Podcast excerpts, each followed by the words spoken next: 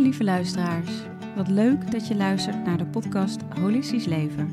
Mijn naam is Marjolein Berensen en ik ben de founder van Zomeropleidingen.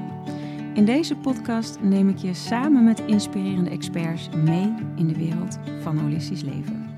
En de mensen die worden zo geleid door een kindpijn. Hè? Daar zijn opstellingen ook voor. Om die, die kindtrauma's, die kindpijnen, die conditioneringen vooral los te kunnen laten. Hoi lieve allemaal, welkom bij weer een nieuwe podcast van Holistisch Leven. En ik zit vandaag met Elmer Hendricks, die kennen jullie waarschijnlijk wel. Met onder andere de kunst van familieopstellingen, de boeken uh, Tao en de kunst van familieopstellingen, zinnen die de ziel raken. Maar ook natuurlijk het Instituut voor Systemisch Werk, die samen met zijn uh, vrouw heeft. Uh, nou ja, trainer in opstellingen, familieopsteller. Hij is zelf karate en kickboxleraar geweest. Nou, ontzettend veel. Er komt ook een nieuw boek binnenkort aan. Um, en we gaan uh, lekker starten met deze podcast. Elmer, van harte welkom. Dankjewel. Leuk om jou weer te zien. En nu uh, in de podcast Holistisch Leven. Wat betekent holistisch leven voor jou? Wat is holistisch leven voor mij? Dat vind ik een vrij lastige vraag. Um, ik zou hem best kunnen beantwoorden. Uh, holistisch leven is voor mij in verbinding zijn met mezelf.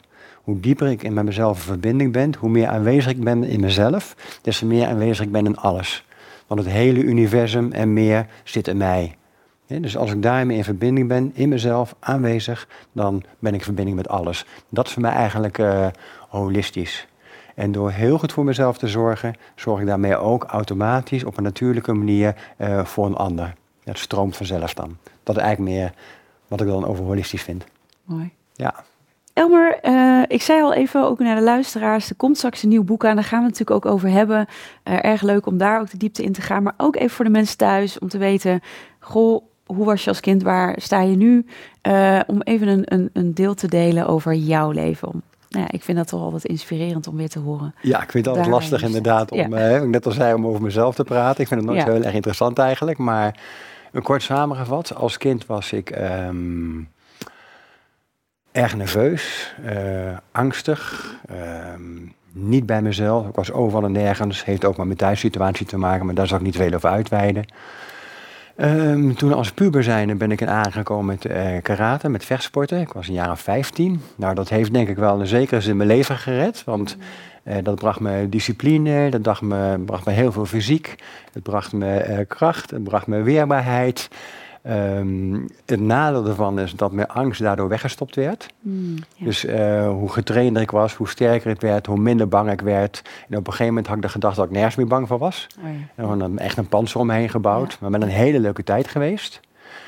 Uh, toen ben ik in aanraking gekomen met techniek. Uh, ik was een jaar of dertig uh, piping, een bepaald vakgebied. Nou, dat vond ik een ontzettend leuk vakgebied. Daar ben ik helemaal in gedoken. Uiteindelijk ben ik geëindigd als projectmanager in Amsterdam in een, uh, een technisch bedrijf. Uh, in die tijd deed ik nog karate. En in die tijd ben ik ook in aangekomen met familieopstellingen. Nou, toen ik met familieopstellingen aankwam, was het... Uh, Je grote liefde. Was het afgelopen, ja. nou, dat kwam samen met mijn grote liefde, ja. mijn vrouw. Ja. Dat viel samen. Ja. Zij maar kwam eerst. samen in de groep dan? Oh, zij kwam voor. Nee, nee, nee, je ontmoette haar eerder, ja. Ja, ik ontmoette haar op karate. Mm. En, en dat is 22 jaar geleden. En... Um, een grove belediging voor haar laten. Ik dacht, oh wat leuk, en zo'n huisvrouwtje weer die bij karate komt. Ze was later diep beledigd toen ik ja. het hoorde. Ja. Maar uh, ja, een tijdje later werd ik verliefd op haar. En dat was de eerste keer in mijn leven dat ik verliefd werd. Dat was nog nooit van mijn leven gebeurd. Ik kende dat niet. Zo. Ik had wel vriendinnen ja, natuurlijk, maar, maar... niet zo, ja. Nee, dat kende ik niet, verliefdheid. En uh, ze zei nee. En dat, was heel, dat was heel pijnlijk. Ja. En uh, toen brokkelde eigenlijk iets in mij af. He, er kwam zo'n uh, een onmacht, een verdriet, een woede boven. Ook een woede waarvan ik niet eens wist dat die zo aanwezig was.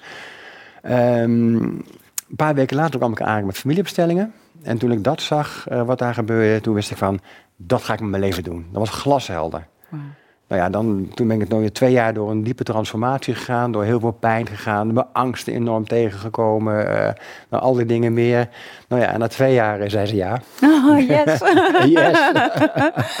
ja. ja. En, en zij doet ook al familieopstellingen natuurlijk, hè? Ja, zij is, uh, ik heb eerst de opleiding gedaan ja, in Duitsland. Ja. En toen is zij... Bert Hellinger? Nee, niet bij Bert Hellinger. Ik heb bij Bert Hellinger heb ik heel veel workshops gevolgd. Oh ja, ja, ja zo is het. Maar bij ja. Wolfgang Koenighaus. Ja, Wolf, ja. Bert Hellinger gaf in die tijd geen uh, Nee. opleidingen, alleen workshops. Ja. En um, Toen heeft Angelie de opleiding gedaan en hebben we samen zijn we begonnen met workshops geven en opleidingen. Alleen uh, ja, toen werd het bedrijf zelf dat begon te groeien. En zij heeft altijd zelfstandig geweest, altijd een eigen bedrijf gehad. Dus zij is meer de bedrijfsvoering gaan doen. En ik ben de uitvoering gaan doen. Ja, ja. ja wat een magische combi tussen Ja, is geweldig. echt super. Echt geweldig. Echt super, ja. Ja, ja. ja en toen eh, werden je boeken ook geboren natuurlijk. dus de, welke kwam eerst? Taal? Uh, nee, eerst nee, kwam de, Zinnen die ziel raken. Ja. En die is eigenlijk voortgekomen uit... Um, het, was eigenlijk een hand-out in de opleidingen de mensen die, uh, ja, zinnen zijn vaak wat lastig. Je, je, moet ze aanvoelen, je moet ermee in verbinding zijn. Je, ze komen op in jou, maar je moet ze ook in je rugzak hebben. Dus dat is vaak heel erg lastig voor mensen, voor deelnemers. Dus had ik een handout gemaakt voor al die zinnen. Maar toen ik daarmee bezig was, ja, dat werd zoveel. dacht ik van, hé, maar daar kan ik net zo'n boek van maken. Hebt, uh, ja. En uh, nou ja, toen is dat een boek geworden. Zinnen die de ziel raken. Ja, mooi. Ja, het is echt al een lange tijd geleden hoor. Want hoe lang is hij? Dat is best wel een tijd uit, toch? Ja, of acht misschien. Ja, precies. Ja. ja. Ik ben even, denk ik wel een van de eerste die hem. Uh... Oh, kijk. Ja, was jij dat? Ja. dat was ik. En de boeken De Touw en de Kunst van Familieopstellingen. Ja, en die is eigenlijk geboren uit. Um, ik heb een beetje een eigen manier van werken. Het is natuurlijk, uh, ja, de basis is familieopstellingen zoals het ooit door Bert Hellingen ook ingebracht is.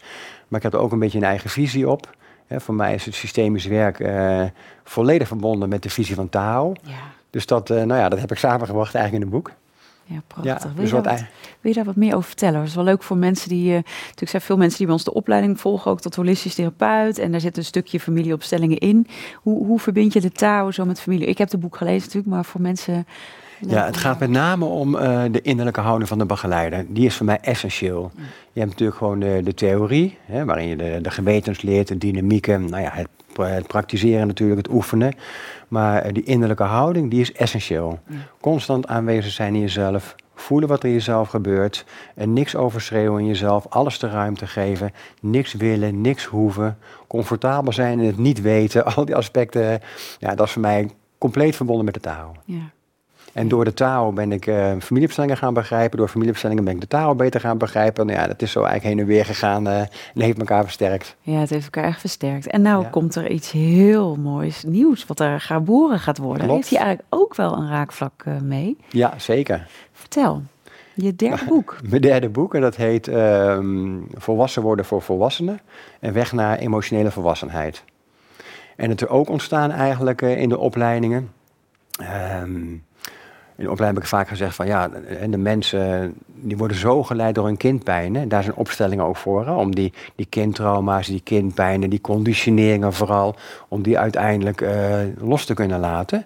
En tot die losgelaten zijn, zijn mensen eigenlijk niet volwassen. En in mijn visie zijn 90% van de wereldbevolking is niet volwassen. Nee. nee althans niet helemaal volwassen. En zeker niet emotioneel. Mm. Ja. Mm. Ja, mooi. Ja, het is super mooi. Wel net even een voorgesprek. Uh, ja, gewoon een heftige situatie. Ik zei ook, ik, mijn relatie is voorbij. En hoe mooi om te zien dat je, uh, hoe volwassen wij met elkaar konden zijn in zoveel liefde. En juist in het ongemak en het pijn, het verdriet zo kunt verbinden met jezelf en met de ander. En zo elkaar eren. Ik voelde, dat voelde voor mij ook zo ja, volwassen. Ja. Want we hadden het net ook al even over dat, dat juist in de moeilijke momenten en daar waar het pijn doet, zit natuurlijk de kans op een haakje naar jouw kindtrauma. En daarvan weggaan of projecteren op de ander. Want, want kun je daar wat meer over vertellen hoe je daar in het boek dieper op ingaat? Uh, ja, ik heb een stuk of veertig aspecten die uh, soort toetstenen waar je aan kan kijken van... hé, hey, uh, hoe leef ik dit en hoe volwassen ben ik hiermee? Mm. Bijvoorbeeld een klein voorbeeldje ruzie maken. Volwassen mensen maken geen ruzie. Als wij een, een, conflict hebben, en dat kan natuurlijk... dan leggen we dat conflict daar neer en we gaan samen naar het conflict kijken. We gaan kijken van, hé, hey, wat doet dat conflict met mij? Wat gebeurt er in mij? Wat wordt er in mij geraakt? Wat wordt er in jou geraakt? Kunnen we elkaar spiegelen en elkaar helpen? Maar dat is geen ruzie. Nee. Dat is zo'n merkwaardig fenomeen eigenlijk. Dus dat, dat bestaat niet bij volwassen mensen. Nee. Nou, een ander stukje is um, de behoefte aan erkenning. Volwassen mensen hebben geen behoefte aan erkenning. Nee. Die hebben dat niet nodig van de ander. Die weten wie ze zijn, die weten misschien ook zelfs wat ze zijn en hoeven niet erkend te worden door de ander. Nou, dat zijn eigenlijk allemaal van die aspecten die, uh, waarvan iedereen eigenlijk denkt van, ja, maar dat is toch normaal? Je, ieder mens heeft toch behoefte aan erkenning? Nee, dat is niet zo. Nee. Loyaliteit, ook zo'n dingetje. Vooral in bedrijven. Ja. Mensen zijn dol op loyaliteit in bedrijven. Maar loyaliteit is een kindstuk. Kinderen zijn loyaal. Volwassen mensen zijn niet loyaal. Die doen gewoon wat juist is. En er zijn, nou ja, zo zijn er een stuk of veertig van die aspecten die ik behoorlijk uitgewerkt heb, die ja, daarnaar verwijzen. Ja, wat geweldig. En, en, en zoom je daarop in? Of? Als je ehm, die aspecten leest, dan kun je jezelf dan herkennen van, oh ja, ruzie maken. Oh ja, dat doen wij steeds. Ja, ja. we maken heel veel ruzie eigenlijk. Ja. En het boek verwijst dan, ja, welke pijn wordt er in jou geraakt? Ga je dat naar buiten projecteren op de ander of ga je het onderzoeken? Het verwijst ook heel erg naar zelfonderzoek. Ja, heel erg. wat jullie bij Zoma natuurlijk ook doen, dat is, uh, daar gaat het om, zelfonderzoek, zelfonderzoek, zelfonderzoek. Iedere keer weer de blik naar binnen richten. Niet daar naartoe, maar hier, naartoe. Ja. Ja. ja. Het is eigenlijk heel simpel, hè? alleen het is heel moeilijk. We stappen er vaak overheen inderdaad. Ja, maar zo zijn we geconditioneerd. Ja, ja, het is bizar. Eigenlijk al die conditioneringen. Ik zeg ook altijd van, oh ja, die laagjes wat meer afleggen om weer terug te komen bij jezelf. Het is eigenlijk inderdaad heel, heel eenvoudig. Het is heel simpel. Alleen oh zo moeilijk, omdat uh, die conditioneringen zo sterk zijn. Ja, en die patronen waar je allemaal weer constant inschiet natuurlijk. Uh, ja. ja. ja. Ja. En als je van jongs aan meegekregen hebt dat je heel hard moet werken, dat je heel goed je best moet doen alles, dat je echt vooruit moet in het leven. Ja, van klein kind heb je dat erin gekregen. Dat is zo'n conditionering. Ja. ja, dat gaat voorbij alles. En dan blijf je maar doorgaan. En dan blijf je maar doorgaan en dan word je ziek en je projecteert op andere mensen die dan lui zijn of wat dan ook. Ja. Al die aspecten. Ja. Ja. Ja, mooi. En um, ja, je hebt er dus 40 in totaal. En heb je een soort van checklist dat je denkt, oeh, nou die vijf hebben we nog niet uh, onder de knie. nou, bij ieder aspect uh, stel ik een aantal hele simpele vragen op het eind. Kijk, daar was ik benieuwd naar. Ja, die uh, voor, hoe loyaal ben jij nog? Um, wat is de verdienste van jouw loyaliteit? Wat zou je kwijtraken als je niet meer loyaal bent? Nou ja, dat soort dingen. De vragen die je zelf kan stellen. Mooi. Het is eigenlijk mooi om daar misschien ook iets bij te journalen. Dus echt ook even wat, wat aantekeningen bij te maken. Die vragen ook zo daadwerkelijk te beantwoorden. Ja, dat zouden mensen kunnen doen. Ja. Maar dat laat ik... Uh... Ja, dat is natuurlijk vrij. Maar dat is wel een, misschien een mooie tip voor mensen als, uh, als het boek straks verschijnt. Ja. Lijkt me heel leuk. Uh, lijkt me ontzettend interessant om daarop op in te gaan. Um, ja, want dat is dus de basishouding. Um, zit dat ook in jouw opleiding? Hoe, hoe, hoe zie je dat zo? Hoe uit dat zich in jouw opleiding? Want ik neem aan dat dit ook een heel belangrijk onderdeel is. Ja, dat, het is ook een beetje uit de opleiding gedestilleerd. Hè? Ja. Ehm, ja, je komt van alles tegen in de opleiding natuurlijk. En de mensen komen bij zichzelf van alles tegen. En um, ja, daar kijken we over het algemeen via opstellingen. Ja, is een, iemand wordt geraakt door iets. En dan stellen we dat op en dan kijken we wat er geraakt wordt. En er zijn altijd kindstukken. Ja. En mijn opstellingen zijn een beetje aan het uh, veranderen de laatste jaren eigenlijk oh. qua, qua vorm. Ja. Ehm, daar waar ik vroeger veel meer uitging van de achtergrond van de cliënt. Mhm. dus de, de ouders, de grootouders, de gebeurtenissen daar. Dan ging je daar eigenlijk aan het werk. Ja. En zo ging je eigenlijk naar het heden toe, naar de cliënt toe. Ja. Eigenlijk um, wat je deed was kijken wat er bij de ouders in beweging kon komen. Mm Zodat ze aanwezig kon zijn voor de cliënt. Waardoor de cliënt in één keer weer ouders had. Ja, precies. Ja. ja. Maar eigenlijk is dat een... Um, uh, op een zielsniveau klopt het wel. Maar in deze realiteit klopt het eigenlijk niet. Want de kinderen hebben geen ouders gehad die aanwezig waren. Nee. Hebben geen moeder gehad die, uh, nou ja, die liefde kon geven. precies, of een vader die aanwezig was. Dus dat is de realiteit. Dus ik ben nu veel meer aan het werk met um, de representant van de cliënt. Mhm. Dat is dan degene die in de opstelling komt voor de cliënt. En als ik zie dat er echt een kindstuk in zit... dan uh, stel ik vaak ook wel de ouders op. Een beetje voor de, de hele context. En dan stel ik de cliënt er zelf bij op. Okay. En als ik dan bijvoorbeeld aan de cliënt vraag, en dat is een hele verrassende, van wie in deze ruimte is de allerbelangrijkste persoon?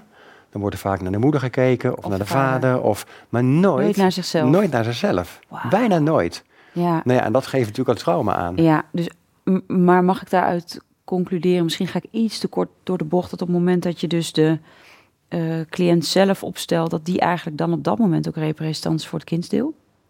Eh, de representant voor de cliënt. De cliënt zelf die komt erin. Die als is, zichzelf. Als zichzelf. Okay. Gewoon de, de complete zichzelf. Ja, en de representant is het eigenlijk dan het kindsdeel. Is dan het kindsdeel ja, geworden. Precies, ja, Het zielsdeel, het kindsdeel van de cliënt. Mooi, ja, daar was ik even benieuwd naar hoe je dat dan. Uh, had gaaf, ja. Ja, en dan is de essentie van de opstelling eigenlijk de cliënt zelf kijken of het mogelijk is dat zij of hij zich kan verbinden met dat zielsdeel. Ja. Eigenlijk een soort nou ja, innerlijk kindwerk in de opstelling. En integratie eigenlijk in, uh, weer in zichzelf. Ja, precies. Ja, en de ouders, ja, die, die, ja, die, die die dienen dan op dat moment meer voor de ziel om erbij te zijn, maar niet niet een hele belangrijke rol daarin dan dus. In zekere zin wel. Wat je heel vaak ziet is dat als je de ouders opstelt, dat bijvoorbeeld de moeder afwezig is. Want de mhm. moeder heeft zelf een afwezige moeder gehad. Ja, dus is niet aanwezig. De vader die kijkt naar de grond, misschien naar een dode die daar ligt. En is daardoor niet aanwezig. En als dan de opstelling plaatsvindt en de, de cliënt die kan zich verbinden met dat zielsdeel het komt bij elkaar, zo'n verbindende, helende beweging. Dan zie je bijna altijd dat bij de moeder iets verandert, bij de vader verandert er iets. Dus dit, in het heden heeft een helende beweging naar het verleden toe. Mooi. Ja, en dat is echt prachtig. Dat is heel mooi. Ja. En als je kinderen hebt, hoe werkt dat dan? Want dat is natuurlijk eigenlijk ook naar de toekomst toe, noem het maar even. Zeker, zeker. Het beste wat je voor je kinderen kan doen, is aan jezelf werken. Absoluut. Ja, dat is het uh, allerbeste wat je doen kan. Ja. Dat is ook wel aardig, want ehm, ik gebruik heel veel, bijna altijd eigenlijk de zin van uh, de cliënt naar het eigen zielsdeel. Jij bent de belangrijkste persoon op de hele wereld. Niemand komt voor jou. En dan zeg ik zinnen als van, je bent belangrijker dan mijn moeder. Want dat wil ze een deel horen natuurlijk. Je bent belangrijker dan mijn vader. Je bent belangrijker dan mijn partner. En dan komt er eentje die vaak heel moeilijk is, vooral voor de vrouwen. Je bent belangrijker dan mijn kinderen. En dan stokt het even. Ah. Ja, wacht even, belangrijker dan mijn kinderen. Hoe kan dat? Nou, uiteindelijk kunnen ze het uitspreken en voelen ze dat het klopt. Dan kunnen ze zich helemaal verbinden. En dan ligt ik later ook vaak toe. Het allerbeste wat je voor je kinderen kan doen, is ontzettend goed voor jezelf zorgen. Je doet er twee dingen mee. Eén, je geeft de kinderen het voorbeeld. Want de kinderen luisteren echt niet naar wat je zegt, maar die volgen wel wat je doet. Ja. Dus als jij dat voorleeft, weten ze van, hé, hey, het is heel belangrijk om goed voor jezelf te zorgen. En je ontlast je kinderen, want ach, de kinderen hoeven niet voor mama of voor papa te zorgen, want die zorgen heel goed voor zichzelf. Dus ze kunnen helemaal kind zijn. dus de, als vaak als egoïstisch gekenmerkte zin, jij bent de belangrijkste in de hele wereld, ik ben de belangrijkste in de hele wereld, is juist buitengewoon helpend. Ja, ja. mooi. Ja, die is mooi. Uh, ja, en je hebt ook niet inderdaad, want ik zit te voelen door te zeggen: jij bent het belangrijkste in de wereld tegen je kind, is ook heel zwaar kan het worden van poem. Dus ik moet wel altijd perfect zijn. Ik moet wel altijd alles goed doen. Uh, oh ja, maar uh, er wordt wat van mij verwacht. Dus het is tegelijkertijd ook een druk natuurlijk ja, meegeeft. Absoluut. absoluut. Ja, heel mooi dat je dit zegt. Oké, ik ben het belangrijkste. Oké, dus ik. Oeh, ja. moet me wel helemaal gedragen. Want dat is wel wat mama verwacht. En nu moet ik wel ja. dit doen. En ja, want ik wil wel echt het belangrijkste. Dus ik mag echt niet falen in mijn leven. Ja, ik kan me voorstellen dat het ook heel veel druk me kan meegeven. Ja, zeker. Zeker. Ja. ja. Dus in die zin is het ook heel helend door te zien van... ik ben het belangrijkste. En daarna kom jij, maar... nee, maar hè, iets genuanceerder. Maar je snapt wat ik bedoel. Maar dat, dat ze zien, oh, dus is volledig belichaamd. En is volledig mama. Ja. Ja. Ja. want kinderen hebben alleen maar behoefte aan een aanwezige moeder en een aanwezige vader, die er echt zijn. En verder moeten kinderen hun eigen leven leiden. Ja, en hun eigen dingen doen. Ja, want door te zeggen dat de ander belangrijk is, dan doe je ook een beroep op het kind. En zal dat kind dus automatisch uitgenodigd worden ook voor een deel voor jou te zorgen. Absoluut, absoluut, ja. Ja, ja heel mooi. Ja, wauw, wat mooi. Ja. Maar wat gaaf, dat zou ik graag een keer bij doen.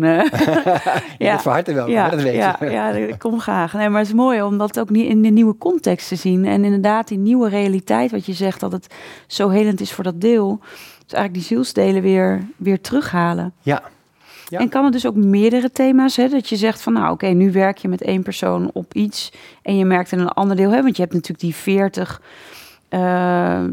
Ehm, aspecten die je noemt in het boek. Kan het ook zijn dat je merkt, oh, ik bijvoorbeeld, ik heb er dus vijf waarvan ik merk dat het lastig is. Ik noem maar wat, die, die loyaliteit of, um, nou ja, je noemde een aantal andere erkenning. Uh, schuldgevoel. Schuldgevoel, nou ja, noem maar. Schaamte. Ja, precies. Dat je zegt, oké, voor die verschillende delen doe ik een opstelling of kan je dat ook integreren? Hoe, hoe zie jij dat? Nou, ik, um, zo kijk ik nooit. Ik kijk altijd naar, um, stel jij bent de cliënt, is mijn eerste vraag altijd, waar loop je tegenaan? Dus Ik werk altijd met waar jij tegenaan loopt. In het hier en nu, ja. In het hier en nu eigenlijk. En um, als ik dat hoor van waar jij tegenaan loopt, dan, dan voel ik na van uh, hoogstwaarschijnlijk verbonden met de moeder, hoogstwaarschijnlijk verbonden met de vader. Ja. heb ik allerlei uh, ideeën bij je. Maar er zijn natuurlijk steeds alleen maar veronderstellingen. Ja. Dus uh, met die veronderstellingen, en ook als ik geen veronderstellingen heb, uh, begin ik gewoon de opstelling. En dan stel ik eigenlijk bijna altijd een representant van de cliënt op. Tenzij ik meteen weet dat jij een heel sterk moederthema hebt, dan stel ik een, de moeder op en jou meteen zelf. En dan ja. kan ik meteen met jou en die moeder werken. Ja. dat is ook een mogelijkheid. Ja. Maar anders stel ik een cliënt op, de representant van de cliënt, de ouders. Heel vaak ook het lot van de ouders. Ja, en het lot, het lot van de moeder is bijvoorbeeld al datgene dat gemaakt heeft dat de moeder geworden is wie zij is. Ja. En voor de vader net zo. Want heel vaak zijn kinderen verbonden met het lot van de ouders. Ja. dus dat, nou, dat wordt dan ook gelijk mooi zichtbaar als dat zo is. Hmm. En als ik dan zie dat de representant redelijk stevig in het veld staat. en het gaat echt om een thema met de vader of met de moeder zo. dan ruil ik uiteindelijk in met de cliënt. Ja. En dan ga ik met de cliënt zelf werken en dan ga ik uh, nou ja, de interventies doen die helend en verbindend zijn. Ja. Waar mogelijk natuurlijk, hè? want alles is niet mogelijk. Nee, en dan met, met, uh, met natuurlijk zinnen die de ziel raken. Ja, exact. Ja. ja. ja. Zinnen die de ziel raken. Wat fantastisch, Elmer. Ja, leuk. Want ja, uh, ik, ja je weet het, een jaar geleden is Els hier geweest. Ook een goede vriendin van jou, ook van mij natuurlijk. Els van Stijn voor de mensen thuis. En jullie werken allebei ook weer zo anders. Het is ook weer zo leuk om te zien hoe dat ook weer aanvult. En ik heb nou ja, ontzettend veel ook weer geleerd. En nee, als ik zo hoor, heb ik ook nog een hoop van jou te leren. Heel leuk om zo in het leven te blijven ontwikkelen. En uh, ja, dit ook te horen. Dat is echt rijkdom uh, als mensen hiermee in aanraking komen. En zou je toch eigenlijk bijna zeggen van... ga dit gewoon op school doen al met kinderen. Ja, absoluut. Hoe zie jij dat? Ja, want, zeker. Want is dat ook iets in de toekomst waar je iets mee zou willen? Ja, ik weet, jouw passie is natuurlijk gewoon familieopstellingen, maar, maar uh, hoe, hoe zie je dat? Want als we hier gewoon toch mee aan de slag zou gaan met kinderen die hier al mee gaan werken. Ja, dat is fantastisch. En um, er zijn ook al stromingen in het systemisch werk die zeggen... maar je moet niet met kinderen werken. Want kinderen doen al zoveel voor de ouders. Maar daar ben ik helemaal niet mee nee, eens. Nee, ik ook niet. Want hoe sneller je ze toch in ja, zet. Ja, maar ik heb ook gezien in opstellingen met uh, bijvoorbeeld Ingrid Dijkstra. Dat is een uh, dame die zich specialiseert in het werken met gezinnen. Ja. Daar heb ik echt opstellingen van gezien, ook met kinderen erbij. Ja, hoe helend het is voor de kinderen, hoe ontlastend het is. Dus dat is fantastisch. Ja. En er zijn ook mensen die werken al op scholen. Hè? Dus uh, je hebt bijvoorbeeld een groepsgeluk, heet dat. Dat is een dame die werkt, een, heet groepsgeluk haar bedrijf. En die werkt heel veel op scholen met leerkrachten, maar ook al met kinderen. Ja, dat is fantastisch. Ja ja, hoe, hoe meer in de basis, hoe meer dat meegegeven wordt, ja, hoe helpender het is. Ja, want zeker als jij zegt er is 90 procent, even jouw aanname, hè, daar ga ik even in mee. 90 procent van de wereldbevolking is eigenlijk niet volwassen. Ja. Dat is toch heftig? En als we dat bij het begin heftig. Ja, het is wat het is ook ja. weer. Ook weer twaalf, laten het ook weer lekker allemaal los. Weet je, zo is het ook. Maar ik bedoel, ik denk dan ook, oh, hoeveel, hoeveel kansen en mogelijkheden liggen daar. Weet je, je weet hoe ik ben, ook met mijn energie. Ja, ja, en weet je zo. Ja, dan denk ik, oh, hoe mooi is het als er zoveel mensen daar die ervoor openstaan, uiteraard. Maar om daar bewustwording in te, in te creëren. Ja, ja, ik moet wel lachen, want jij bent echt heel gepassioneerd. Je hebt echt een missie, hè? je hebt het uit te dragen. Ik heb het helemaal niet. nee, dat is leuk voor mensen thuis. Uh, Elmer en ik um, zijn, hebben, ja, ik denk een jaar geleden of zo, hebben we gezellig wat, wat gedronken in een cafeetje. Of in, ja, in, in, nou ja, lekker wat gezeten. En toen hadden we het inderdaad over ook, nou, Els van Stijn kennen natuurlijk allebei. Elmer is het echt zijn passie. bij mij is het echt mijn missie. En dat voel je dus ook als ik erover begin te praten. Ik zie ja. ook lachen van, wop, daar ga ik weer. Ja, dat, is, dat is ook, en dat, dat, is, dat is ook weer zo mooi hoe dat dus zo authentiek elkaar ook weer ontmoet daarin. En hoe, uh, ja, hoe je dat allemaal vanuit je eigen perspectief ook benadert. Ja, ja. Zeker. Want jouw, ja, jouw hele wezen straalt. Ik wil het neerzetten, ik wil het uitdragen, ik wil de wereld aan helpen. Ja. ja en hij, mijn hele wezen straalt uit. Ik wil het doen wat ik leuk vind. Doe wat ik leuk vind, ja. en toevallig is dat dit, hè? Ja, want, want zie je kinderen nog in de toekomst? Of zeg je nee, vind ik niet, niet leuk? Wat zei je? Kinderen bijvoorbeeld in de toekomst, dat je dit ook bij scholen of op andere vlakken gaat neerzetten? Nee, ik werk het liefst met... Um, met nou, volwassenen, zullen we zeggen. Ja. Uh, ook met uh, jonge mensen vind ik ook heel leuk. Uh, kinderen mm, zou ik wel leuk vinden, denk ik, maar niet te veel. Nee. Want dan kan ik niet echt... Ik gebruik opstellingen ook, mijn opleiding ook als een soort... Ehm, een podium, zou ik maar zeggen, om uh, ja, bewustzijn uit te dragen. Ja. En dat vind ik, uh, daar word ik nog blijer van. En familieopstelling is voor mij eigenlijk een soort middel om tot bewustwording te komen. Ja. En dat is, uh, ja, dat vind ik essentieel, bewustwording. Nou, mooi dat je het aanhaalt, want voor de mensen thuis ook, dit hebben we in het voorgesprek besproken. Stel dat je helemaal niks van familieopstellingen weet, dan val je misschien een beetje in. Dus ik kan me voorstellen dat dat dan even ingewikkeld is, maar inderdaad uh, misschien ook even mooi. Jouw visie is heel erg inderdaad om die bewustwording uit te dragen. En, en, en familieopstelling is daar eigenlijk een middel voor ook samen te touwen natuurlijk, de, Ja. de vervlechting daarin. Ja, En nogmaals benadrukken ook, wat jij heel mooi aangeeft, is het dat het zo gaat om die innerlijke houding. Dat je als mens heel erg groeit en daar in bewustwording, nou ja, eigenlijk in die reis eh, eh, ervaart, om dus ook volledig tot volwassenheid te komen. ja, En daardoor dus, nou ja, noem het maar op, wat je doelen ook zijn, gelukkig in het leven of het kunnen uitdragen aan andere mensen, je passie vinden of volgen of je missie in mijn geval. Zeg ik het zo of vergeet ik nog iets? Nee, nee, je zegt het heel mooi. Leuk al dat je zegt van eh, je doel. Want in het boek komt ook voor ehm, doelen stellen. Dat is onvolwassen. Ja, Volwassen ja, mensen stellen geen doelen. Nee, nee. Die, nee. die volgen de stroom van het leven als het ware. Ja, En natuurlijk als je boodschappen gaat doen, maak je een boodschappenlijstje. En ik heb als doel om boodschappen te, Ja. te halen. Maar Nee, dat is ook zo. Voor veel mensen inderdaad is het wel de rationele. Voor mij is het ook niet zo gegaan als ik kijk. Het was helemaal geen doel om een opleidingsinstituut of, een, of iets te doen. Ik, het, het was de flow van het leven. ja, het ontstaat. En ik volgde het gewoon. Ja, En nu kijk ik terug en dan denk ik, oké, weet je, ik heb nog wel, wel eens momenten, dat zul je misschien ook wel hebben, dat je, huh? Het is weer een heel ander stuk in, Ja. in mijn leven. ja. Het is helemaal niet bedacht of Nee, nee, zoals nee. we het rationeel kunnen bevatten. Totaal niet. Nee, Ik dacht, ik ga de hotelschool doen en eh, nou ja, dat, die doelen na, na, ja, dat was volledig van tafel. het leven had wat anders voor je petto. Ja. Ja. Nou ja, en dat is natuurlijk de kunst om ehm, niet vanuit ego eh, dit te willen volgen, maar Ja. gewoon te laten bewegen door het leven, ook als het ongemakkelijk wordt. En dan maar kijken wat je heen wil brengen. Ja, En gewoon met alles kunnen zijn. ja. Met de mooie dingen, maar ook met de, de minder mooie dingen. Even een kleine break tijdens de podcast Holistisch Leven. Nieuw namelijk bij Zomeropleiding is de opleiding tot spiritueel coach, waarbij je jouw unieke, intuïtieve en mediamieke gaven in kan zetten om mensen te begeleiden naar meer bewustwording. Wil jij ook bijdragen aan een nieuwe wereld en wil je aan de slag met heling, multidimensionaliteit en spirituele groei? Kijk dan op www.zoma-opleidingen.nl onze locaties en startdata. En we gaan nu gauw weer terug naar de podcast. Ja, want zie je het ook zo? In ieder geval voor mij is het ook heel erg zo dat alle, alle dingen op je pad komen niet voor niets. Weet je, dat, dat, eh, dat uiteindelijk ook problemen of dingen die op je pad komen er zijn voor jou. Dus het leven is voor jou. Hoe, dat hoor je wel eens mensen zeggen. Het leven werkt voor mij, niet tegen me. Met zo, ja, maar nu is dit weer gebeurd. En soort van in, nou ja, dat is ook dat kindstil misschien komen. Het leven is tegen mij of in een slachtofferstuk.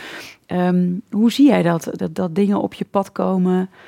Hoe zie je dat spirituele stuk daarin? Of, of hoe we hier eh, ja, in, in verbinding met het leven na de dood of voor de dood, hoe, hoe zie jij dat? Ja, überhaupt komt in mijn universum geen toeval voor. Nee, Toeval bestaat niet. Dat wilde ik Hoe het wel werkt, weet ik niet, maar toeval bestaat niet. En in mijn ervaring ook, eh, het leven wil mij altijd dragen. Ja, Altijd. Al zou het betekenen dat ik, bij wijze van spreken, noem maar iets heel heftigs, een kind krijg wat op drie jaar leeftijd komt te overlijden, is het nog, eh, wil het mij wat brengen. ja. Dat, dat, dat kan niet anders. Nou, kijk naar de parel die op mijn pad gekomen is in de vorm van Angelique. Ja, dat is zo'n transformatie voor mij geweest. Ja. Dat heeft zo moeten zijn. ja. Dat, dat, dat kan niet anders. En een paar weken later familieopstellingen. Ja, Het was niet te bedenken. was niet te bedenken. Nee. Nee, nee, Nee. absoluut niet. Nou ja, en door al die dingen eigenlijk, ja, weet ik gewoon, het leven beweegt mij, het leven draagt mij, eh, het brengt mij waar ik heen wil gaan of waar ik heen moet gaan. En mijn verlangen volgt hetzelfde pad, dus ja. Maar dat heb ik dus ook. Weet je, als je dus zo afgestemd bent op je ziel, je zijn, je wezen, dan, dan gaat het zo hand in hand. Het Ja. verlangen volgt hetzelfde pad wat Ja. de bedoeling is. Want het is zo in sync met elkaar, Ja. zo synchroon. En het voelt daardoor ook zo magisch en ook weer heel gewoon. Ja, het is heel gewoon, dat is het mooie juist. Precies. Ja, En zoiets om dankbaar voor te zijn. ja, ja, ja. mooi. En wat mooi dat je woord magisch noemt, want Ja, ik kan het leven alleen maar als magisch zien. ja, echt. Ik Het, is, eh, ja, hoe kunnen mensen nou niet de magie van het leven zien?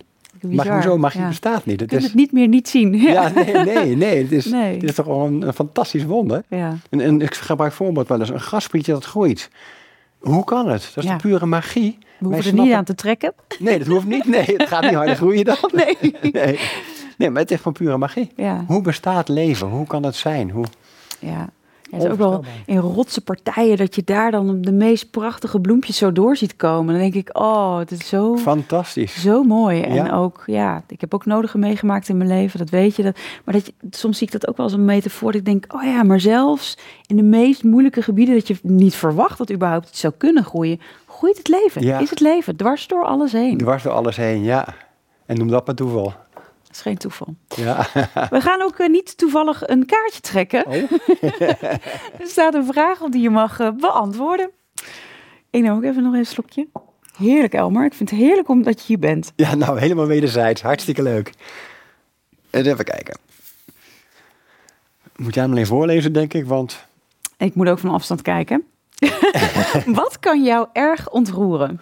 Oh, die is heel makkelijk. Um, je bent zo sentimenteel als een oud wijf.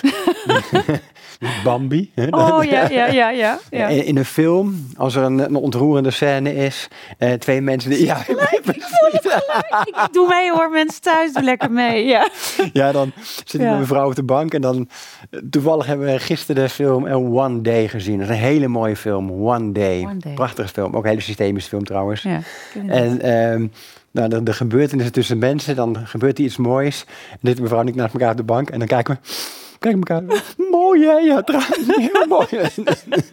ik ben heel snel ontroerd. Oh, Ja, heel snel geraakt. ja. ja. Oh, mooi. Nou, herkenbaar. Herkenbaar natuurlijk, ja. Maar ook steeds meer, toch? Ik bedoel, ja, ik bedoel, ik, ik heb nog niet de leeftijd die jij hebt, denk ik. Maar uh, hoe ouder je wordt, hoe meer er ook weer om, is om te, ont, over om te ontroeren, zeg maar. Uh, ja, in zekere zin wel. Ik heb nooit over nagedacht, maar ik denk het wel. Ja. ja. Je ziet steeds meer de, de schoonheid van het leven, het wonder van het leven.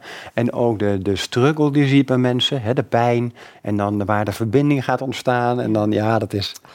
Ja, ja ook weer dat vind ik. Maar daar heb ik ook weer opstelling hoor. Als ik inderdaad die beweging zie, iets wat verbindend is, dan uh, moet ik ook even diep ademhalen altijd. En dan moet ik ook wel een vochtige ogen beginnen te krijgen. Dat is onvermijdelijk bijna. Ja. Dat is zo mooi. Prachtig, eh, prachtig wat we doen. Goed, dan heb ik een hele stapel vragen binnengekregen, luisteraars. Dank jullie wel daarvoor. Ehm, ik weet niet of ik alles kan, beantwoorden, uh, alles kan vragen, maar we gaan uh, lekker beginnen. Wat is de kracht van iets niet te willen fixen? Ja, dat is eigenlijk um, de overgave aan het leven. Door vertrouwen dat het leven um, die beweging maakt waarin dingen uiteindelijk daar komen waar ze zijn moeten. Want willen fixen is eigenlijk altijd weerstand tegen datgene wat er in dit moment is. Er is iets niet in orde. Als je er helemaal mee kan zijn en het kan laten en het rust kan geven, dan gaat het uit een eigen beweging en vindt het vaak zijn eigen heling. Vaak niet altijd. Hangt er ook vanaf wat het is. Hè? Ja. Ik doe niet voor niks opstellingen ook. dat is ook, iemand loopt ergens tegenaan, kan daar blijkbaar niet nou, zelf doorheen? Of, zelf doorheen en dan kan een opstelling de helper te zijn. Maar ook als opsteller zijnde wil je niks fixen. Als opsteller zijnde volg je alleen maar de beweging en kijk wat er mogelijk is. Tot er een interventie van je gevraagd wordt. Maar alleen als dat mogelijk is. Ja, ja mooi. Want ik heb, um, ik heb veel, ik ben al lang op het opstellingenpad. En ik denk, mijn eerste opleiding, opstelling was misschien wel, ik denk bijna wel twintig jaar geleden. Oh, oké, okay, wauw. En daar was, um, dat was een het werd een beetje een poppenkast van papa en mama moeten perfect tegenover de persoon. Ja, het was ja. allemaal heel... En, en ik pas later, uh, toen ik ook Els leerde kennen, uh, kwam ik achter de realiteit is helend. Er is niks Precies. te fixen daarin. Een vader die gewoon afwezig is, is gewoon een afwezige vader. Ja. En dat het dan misschien door interventies, als de persoon meer in volwassen stuk komt en dat de vader dan misschien ook meer ruimte krijgt. Wat je, wat je daar straks zei, is misschien dan een bij, uh, bij mooie bijkomstigheid, maar niet een doel op zich om die vader te fixen zodat het kind. Ja, dat is. Dat, oh, ik zie dat. Nee. Je hoort dat nog wel eens gebeuren en dat. Denk ik, oh, dat is zo'n ander vertrekpunt. Ja, absoluut, ja. ja. En er zijn voor mij in die zin ook twee realiteiten. Hè. We hebben deze realiteit, ja. Eh, waarin we nou, ontmoetingen hebben en dingen doen vanuit onze trauma's enzovoort. En de opstelling is voor mij meer de realiteit van de ziel, de diepe onderlaag. Ja. En daar is het mogelijk inderdaad dat een vader die totaal afwezig was, um, door iets wat een kind uitspreekt dan, op dat niveau in één keer in beweging kan komen. Ja. En dat is op dat niveau natuurlijk heel mooi. Ja. En dan kan dat kind ook op dat niveau raken. Ja. Maar als dat niet kan, dan kan dat niet. Dan is dat de realiteit. Juist. Ja, en dat is ook gewoon heel mooi. Want niet alles... Weet je, er is bijna zo'n zo idee van... alles in het leven is maakbaar. En alles is te fixen. En zo Zo is het niet, want dan zou je ook bij wijze van alles voor de voeten wegmaaien, maar kan iemand nooit leren lopen als dat je iemand steeds maar draagt Precies. om dingen te fixen, weg te halen, Precies. uh, op te leuken. Ja. ja. ja. Nou, mooie, mooie, mooie beantwoord. Even kijken hier. Um, hoe, hoe ken je het onderscheid? Hoe ken je het onderscheid betreft bepaald gedrag in de zin van wat hoort bij jou en wat hoort bij de ouders? Oké, okay. een beetje een gekke zin, maar hij is zo gevraagd.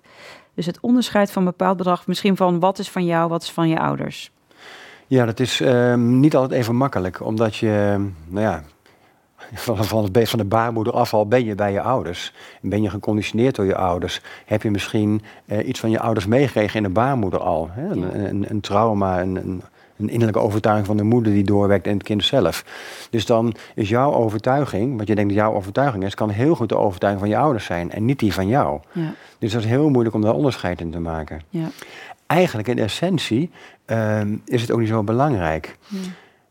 Als die persoon in staat is, maar dat is bijna niemand, en daarom is het dan lastig, is het wel een dingetje. Ja. Als die persoon in staat is om zich niet te identificeren wat met de eigen overtuigingen, met de eigen ideeën, met de eigen gedachten, dan is de vraag: is het van mij of is het van de ander volstrekt irrelevant geworden? Maakt niet uit. Want het is nooit van jou, Nee. in zekere zin. Nooit geweest. Nee, nooit geweest en zal ook nooit zo zijn. Nee. Hè, dus, maar dat is een realisatie. Ja, dat Eh, gaat echt over zijnsoriëntatie. ja, dat- weer een laagje dieper. Ja, dat is een behoorlijke laag. Ja, ja. hele laag. Dan moet je echt door een aantal Ja. lagen gaan om daar uit te komen. Het is echt het zijn van het bestaan, ja.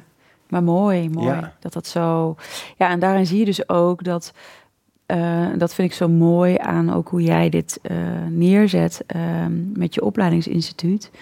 Is dat het zo in die diepte bezield is, eh, waardoor eigenlijk op het moment dat je daar in die angel werkt, dat het al die lagen daarboven gaan automatisch mee. Ja, Hè? In plaats van ik ga hier wat fixen, net zoals bij, eh, zonder het af te doen hoor mensen, maar een deel met cognitieve gedragstherapie, we, we leren even een trucje, maar uiteindelijk is die oorzaak nog niet aangeraakt, dus blijft het hier een beetje fix, maar op een gegeven moment komt die, die overtuiging of die, die, die muur of wat dan ook, komt Ja. weer terug. ja en drie En keer zo hard waarschijnlijk. Precies, en misschien wel zoveel keer zo hard, maar zo mooi dat je ook dat, dat helemaal meeneemt. Dat is echt een, ja, bijna een opwaartse spiraal waarin dat eh, Ja, doorwerkt. maar ja, voor mensen eigenlijk daar zijn, dat vraagt weer dat heel veel zelfonderzoek, hè, dat steeds weer. Ja, Ja, ja. ja. En daar heb je vaak ook weer dingen voor nodig in het leven die juist moeilijk zijn om pads, eh, ja, in ieder geval in mijn geval was dat ja maar dat, ik denk dat bij, bij mij ook. toch? De afwijzing van mijn eh, vrouw heeft me gemaakt dat ik in een dal terecht kwam. Ja. Als het niet gebeurt, dan had ik hier niet aan tafel gezeten. Hadden we hier niet gezeten. Nee, in Nee. ieder geval niet met mij, jij. Nee, nou ja, dus dat. Ja, hoe mooi. Ehm, oh ja, nou, dit is weer even een wat, eh, wat, wat een andere vraag. Het is leuk, al die vragen zo tussendoor. Waarom denk je dat we hier leven op aarde? Waarom willen we dualiteit beleven? Ik weet niet of wij dat willen beleven. Ik denk dat bewustzijn, ehm, en dat- dit zijn allemaal veronderstellingen, hè, want we weten het ik, niet. ik, vraag hem gewoon, eh, ja, precies. Ja, maar maar Ja. het ook veronderstellingen. ja. We- In mijn beeld zijn wij alleen maar verschijningsvormen van bewustzijn. Waarom bewustzijn iets wil, geen idee van. Ik weet niet eens precies wat bewustzijn is. Bewustzijn met een hoofdletter B, zou ik maar zeggen. Dat kunnen wij ook niet weten. Nee. Dus waarom we hier dingen willen beleven, ik heb geen flauw idee. Nee. Nee. Dus dat is een, een niet te beantwoorden vraag. Mooi. Eh, even kijken. Eh, oordeel jij soms nog je ego die een oordeel heeft op iets? Nou, je hebt oordelen en je hebt veroordelen, je hebt beoordelen.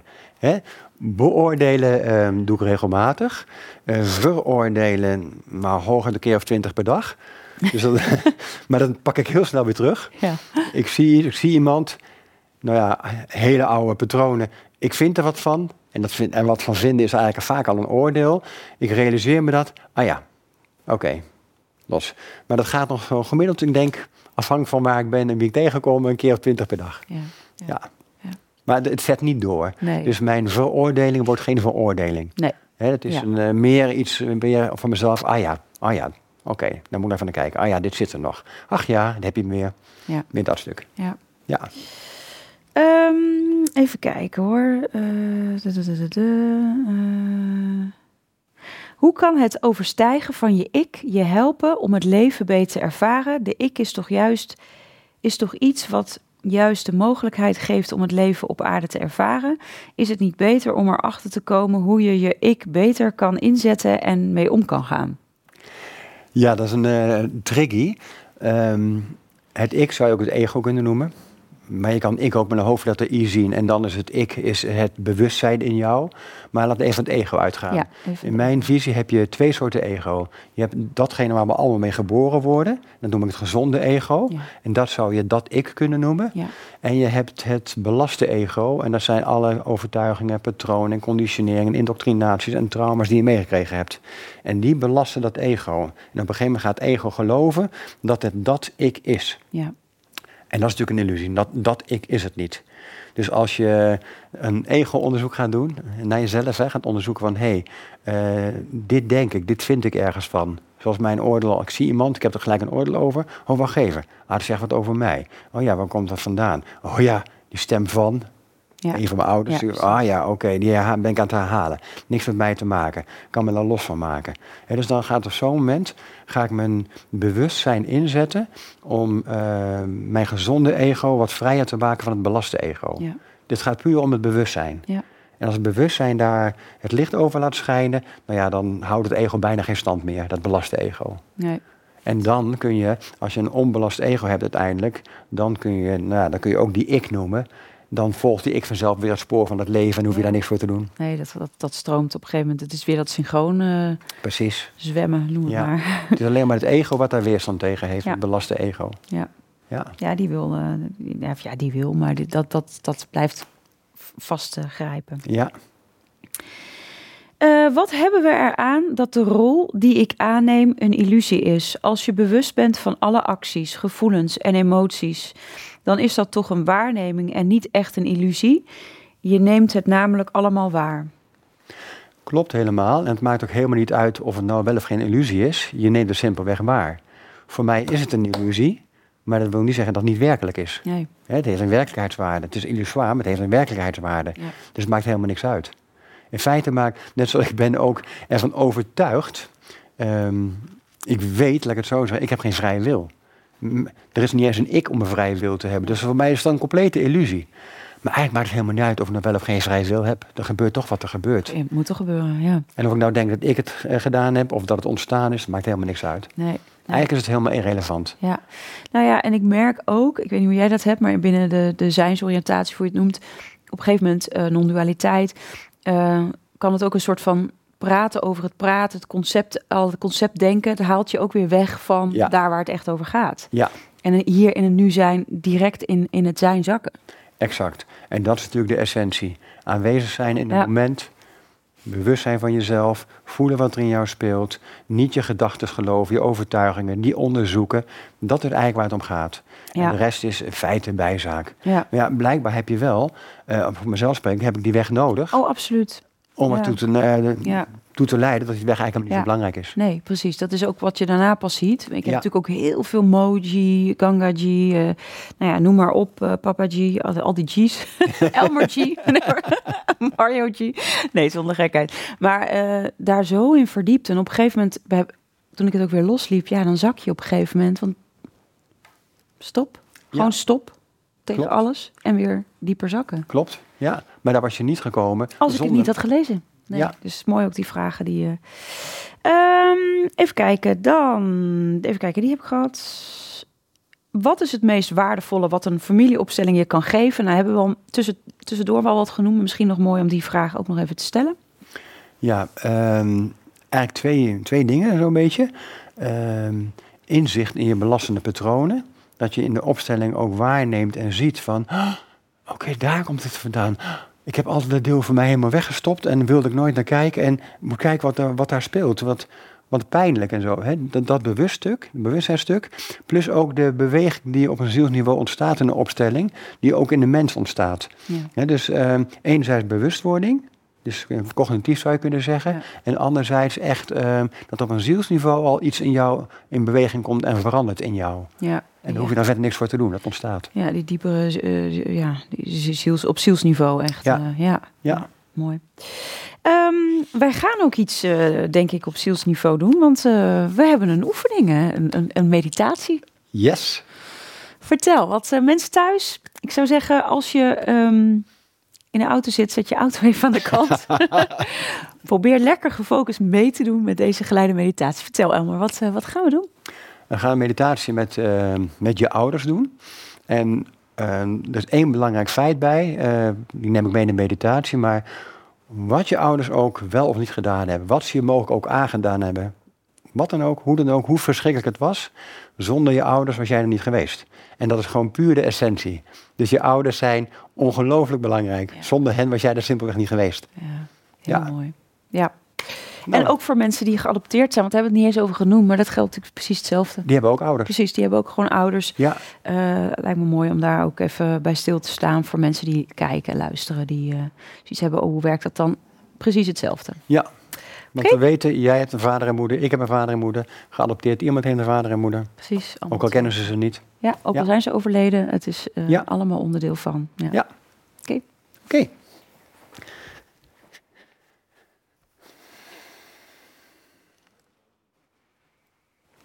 Adem een aantal keren diep in en uit.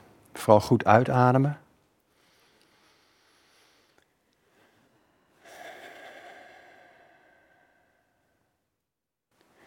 Uitademen is ook loslaten. Dus vooral goed uitademen.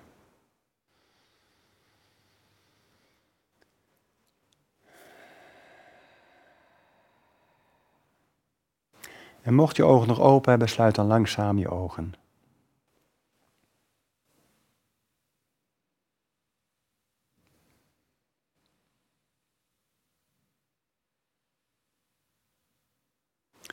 En ga dan even met je volle aandacht naar de geluiden die je hoort.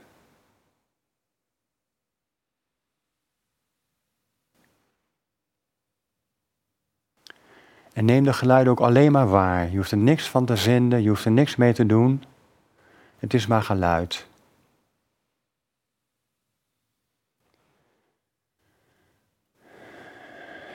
Dus je volle aandacht is bij de geluiden die je hoort. Maar blijf aanwezig in je lichaam. Ga niet met je mind naar die geluiden toe, maar laat die geluiden naar jou toe komen.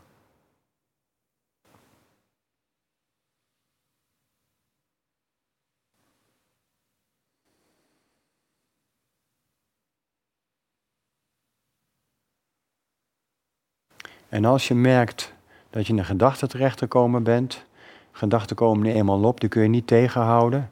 Maar iedere keer als je dat merkt, laat je de gedachten los door weer terug te gaan naar de meditatie. En dan bubbelt er weer een nieuwe gedachte op, even zinloos als de vorige, en ook die laat je weer gaan. Steeds weer laat je je gedachten gaan.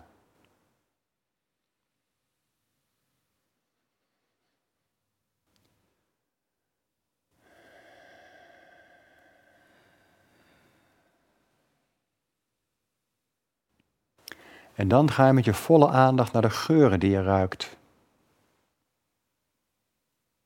En ook als je helemaal niets ruikt, is toch je hele focus bij je reuk.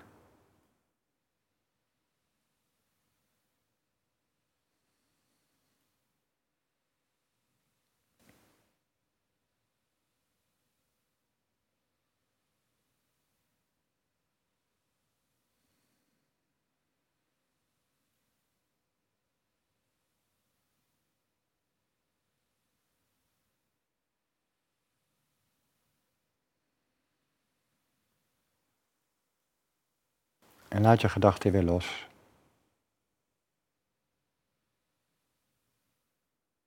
En dan ga je met je volle aandacht naar je huid. En voel wat er zoal te voelen valt op je huid. Dat kan de druk zijn van de stoel, je kleding. Het kan temperatuur zijn. Neem alleen maar waar wat er is.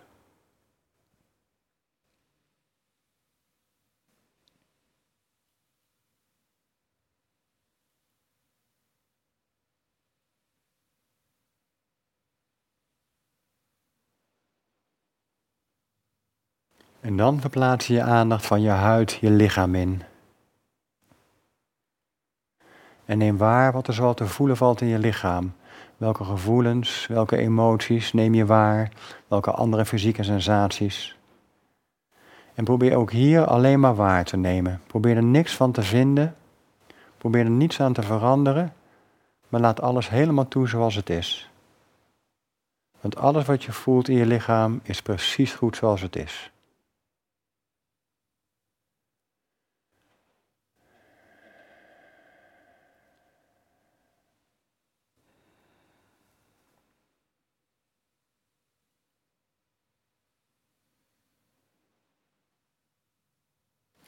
En terwijl je zo zit met je aandacht in je lichaam, stel dan eens voor dat je je bevindt op een plek in de natuur. Een plek waar jij zo veilig en comfortabel voelt als mogelijk voor je is. Het kan een bedachte plek zijn of een bestaande, dat maakt niet uit. Maar in ieder geval een plek waar ook andere mensen bij kunnen komen te staan.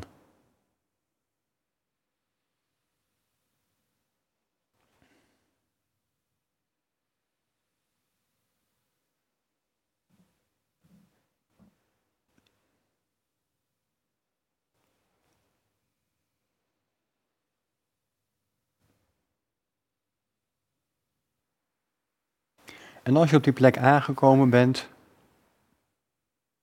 dan kun je daar misschien de zon op je huid voelen.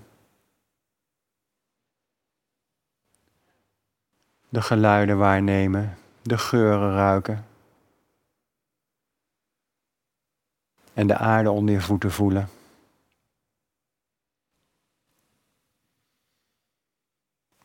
En terwijl je een beetje om je heen kijkt, zo op die plek, komen vanaf een bepaald punt twee mensen aanlopen. En als ze dichterbij komen, herken je ze. Het zijn je ouders. En misschien lopen ze vlak naast elkaar, misschien een eindje van elkaar af, dat maakt niet uit. En jij loopt ze een beetje tegemoet, tot je ongeveer op een meter of vijf à vier van elkaar af blijft stilstaan.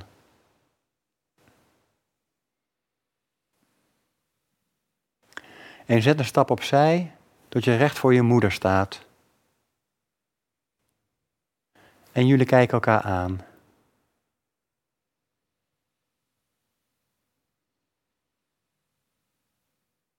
Hoe kijk jij naar je moeder?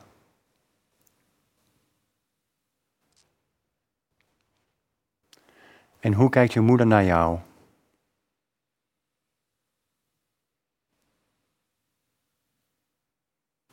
En iets achter jouw moeder zie je haar lot staan al watgene dat gemaakt heeft dat jouw moeder geworden is wie zij is.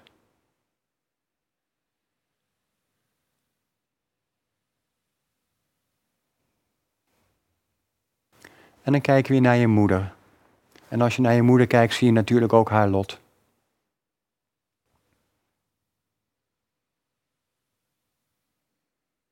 En innerlijk zeg je tegen je moeder: Lieve mama. Via jou en papa heb ik het leven gekregen.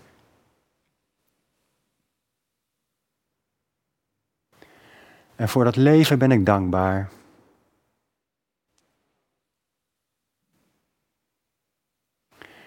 En ik neem dat leven van jullie aan als een heel groot geschenk.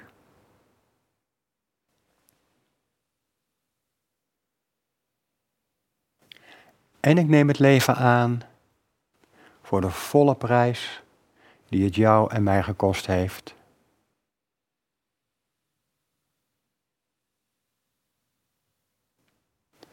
Lieve mama, dank je wel voor het vele dat je hebt gegeven. En alles wat ik nog meen tekort te komen, dan kan ik nu zelf verzorgen. Ik ben immers volwassen.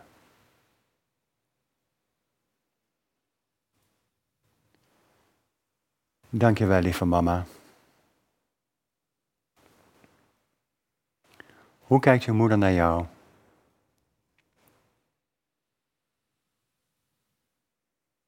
En hoe kijk jij naar je moeder?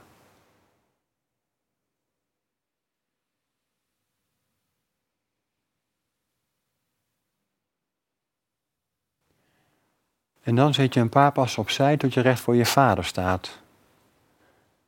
En jullie kijken elkaar aan.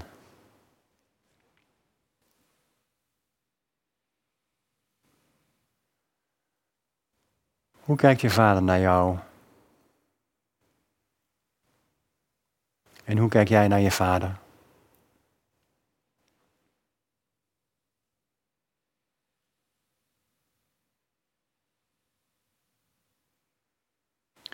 En ook tegen je vader zeg je, lieve papa.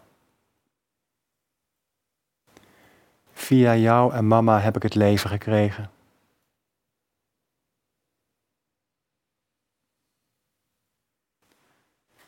En voor dat leven ben ik dankbaar.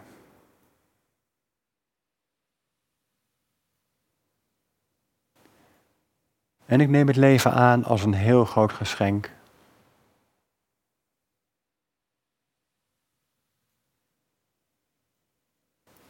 En ik neem het leven aan voor de volle prijs die het jou en mij gekost heeft.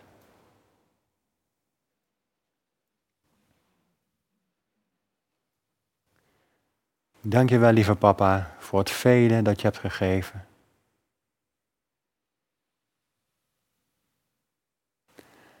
En wat ik nog meen tekort te komen, dan kan ik nu zelf verzorgen. Ik ben immers volwassen. Dank je wel, lieve papa.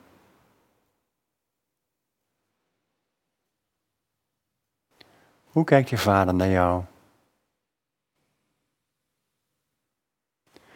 En hoe kijk jij naar je vader?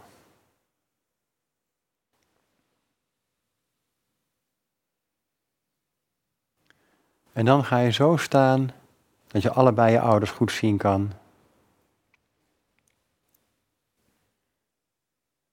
En je realiseert je ten diepste dat ze jou gegeven hebben wat ze je geven konden. Hadden ze meer kunnen geven, hebben ze dat gedaan.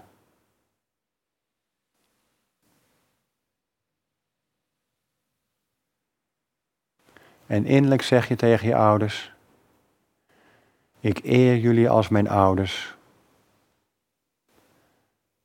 En ik geef jullie een hele grote plek in mijn hart.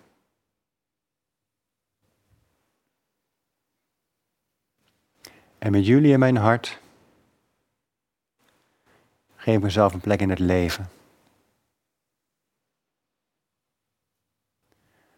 En dan zet je een stapje achteruit, misschien twee stapjes, om ruimte te maken tussen jou en je ouders. Geen afstand, maar ruimte.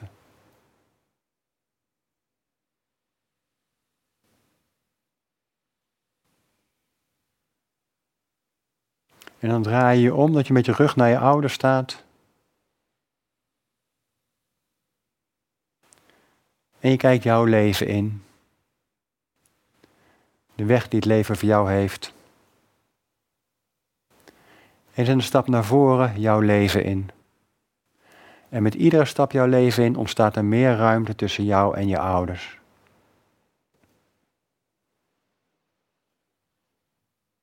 En innerlijk zeg je, ik stem helemaal toe met alles wat het leven mij brengt.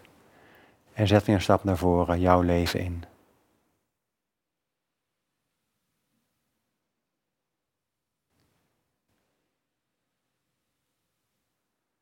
En neem dan langzaam afscheid van die plek waar je nu bent. En dan ga je met je volle aandacht terug je lichaam in.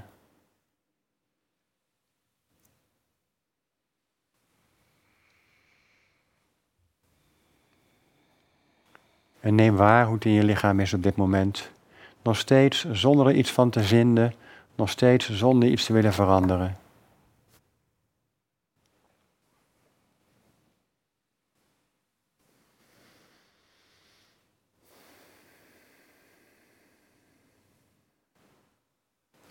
Dan gaan we een aantal keren goed adem, vooral goed uitademen.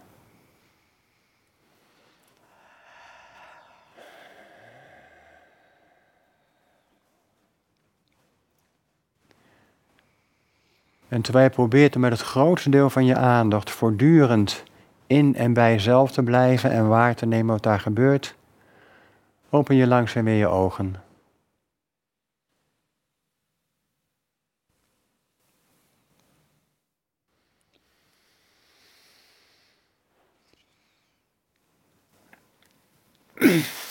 Zo, ja. Er waren even wat tranen hier hoor. Mensen thuis misschien ook wel. Mooi. Heel ontroerend, heel mooi. Ja, ontzettend bedankt. Is echt... Uh, heel graag gedaan. Ja, ben ik heel benieuwd wat mensen thuis hebben ervaren. Laat het ook zeker even weten. Ja, ik vond het gewoon, uh, het is gewoon heel, ja, heel liefdevol. Heel zo mooi om ze zo te eren en het zo te voelen. En het is weer een niveau dieper. Ja, prachtig. Het, het blijkt alsof je, alsof je dan nog dieper daarin zakt. Ik doe dit natuurlijk uh, vaak, ook voor het slapen gaan. Ik zo even zo achter me voor me zie, of dat ik ze eer, of dat ik bedank. Maar dit is dan weer zo'n niveau. Ja, mooi. Zo dieper. En ook door de zinnen die de ziel raken. het raakt echt, het raakt me, raakt me echt enorm. Ja, ja, prachtig. Ja, ja, schitterend. En, en, ook dan haar, ja, mijn moeder dan zo, dat lot zo, van oh ja, dat is haar lot en dit is zo, ja, heel mooi om dat zo, uh, ja, het is heel, uh, ik voelde ook, merkte ook dat ik heel erg hun ziel uh, heel erg zag. Dus niet alleen dat wat ik in de realiteit, hoe ik hun ken, maar ook echt de ziel van hun wezen heel erg ervaarde. Ja, ja, mooi. Ja. Heel mooi. Ja. En we zitten zo met oordelen vaak hè, naar onze ouders toe. Ja. En we menen dat we daar recht op hebben. Maar dat recht hebben we helemaal nee, niet. Nee. Nee. Nee. nee, dus- nee, en door hun ziel, zeg maar, te eren, voelde ik ook bij mezelf nog meer ruimte ontstaan. Ja. Veel meer verdieping en uh, ja. verruiming. Want het eren is inderdaad ruimtegevend. Hè? Het werkt verbindend, maar het geeft gelijk ruimte. Direct. Ja. Ik voelde echt zo... woe, Ja, ja. Helemaal zo. ja. Ja, het is echt een ja, prachtig, prachtige oefening. Nou, mensen, ik ben echt benieuwd hoe jullie dit uh, hebben ervaren. ja, ontzettend, uh, ontzettend waardevol. Um, ja, we gaan alweer langzamerhand richting het einde van deze podcast. Zijn er nog dingen waarvan je denkt, die wil ik als tips meegeven aan de luisteraars? Of dit wil ik nog delen, want dat heb ik nog niet gedeeld.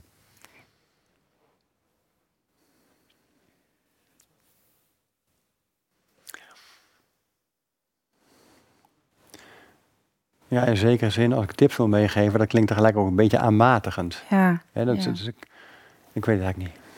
Nee. Nee, ik, ik vond het een ontzettend uh, waardevol gesprek. Waar er ook heel, in mijn optiek, veel openheid en sparkling of soort, soort van magie in zat. Maar ook zo'n diepe verbinding. Ja. Ja. Ja, absoluut. Ja, ik eer je daar echt voor. Dank je wel voor al het mooie werk wat je doet en wie je bent. En ja, echt, uh, echt een cadeau dat je hier bent in de podcast. Dankjewel. Ja. Ja. En in januari zo'n beetje gaan we je boek verwachten. Wat, uh, wat is de planning? wel, ja. Hij is klaar. Ik moet nog een keer met de stofkam doorheen. Dan Ja. moet die voor de eindredactie, de opmaak, de kaft en alles.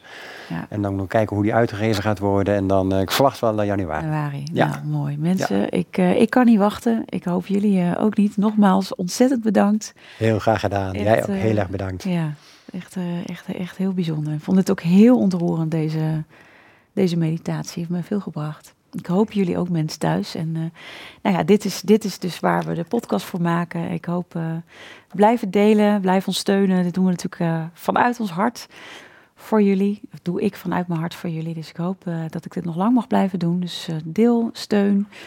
Um, en ik hoop dat jullie ook ontzettend gaan genieten van, of hebben genoten van deze meditatie. Ik ga hem zeker nog een keer thuis doen. En het boek wat gaat komen, ik verheug me nu al op. Dankjewel. En jullie, dankjewel voor het kijken en luisteren. Tot de volgende podcast. Doeg! Dankjewel voor het luisteren naar de podcast Holistisch Leven. Holistisch Leven is een prachtige ontdekkingsreis. We reiken je graag de tools en kennis aan om je in deze reis te begeleiden. Ben jij door deze podcast geïnspireerd om de volgende stap richting een holistisch leven te zetten?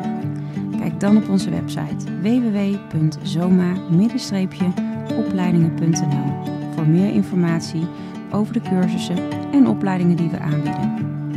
Je kunt je daar ook inschrijven voor onze nieuwsbrief. En vind je deze podcast leuk? Volg ons dan via je favoriete podcast-app of abonneer je op ons YouTube-kanaal. Zo verspreiden wij samen meer licht, liefde en bewustwording en maken we de wereld een stukje mooier. Tot volgende week!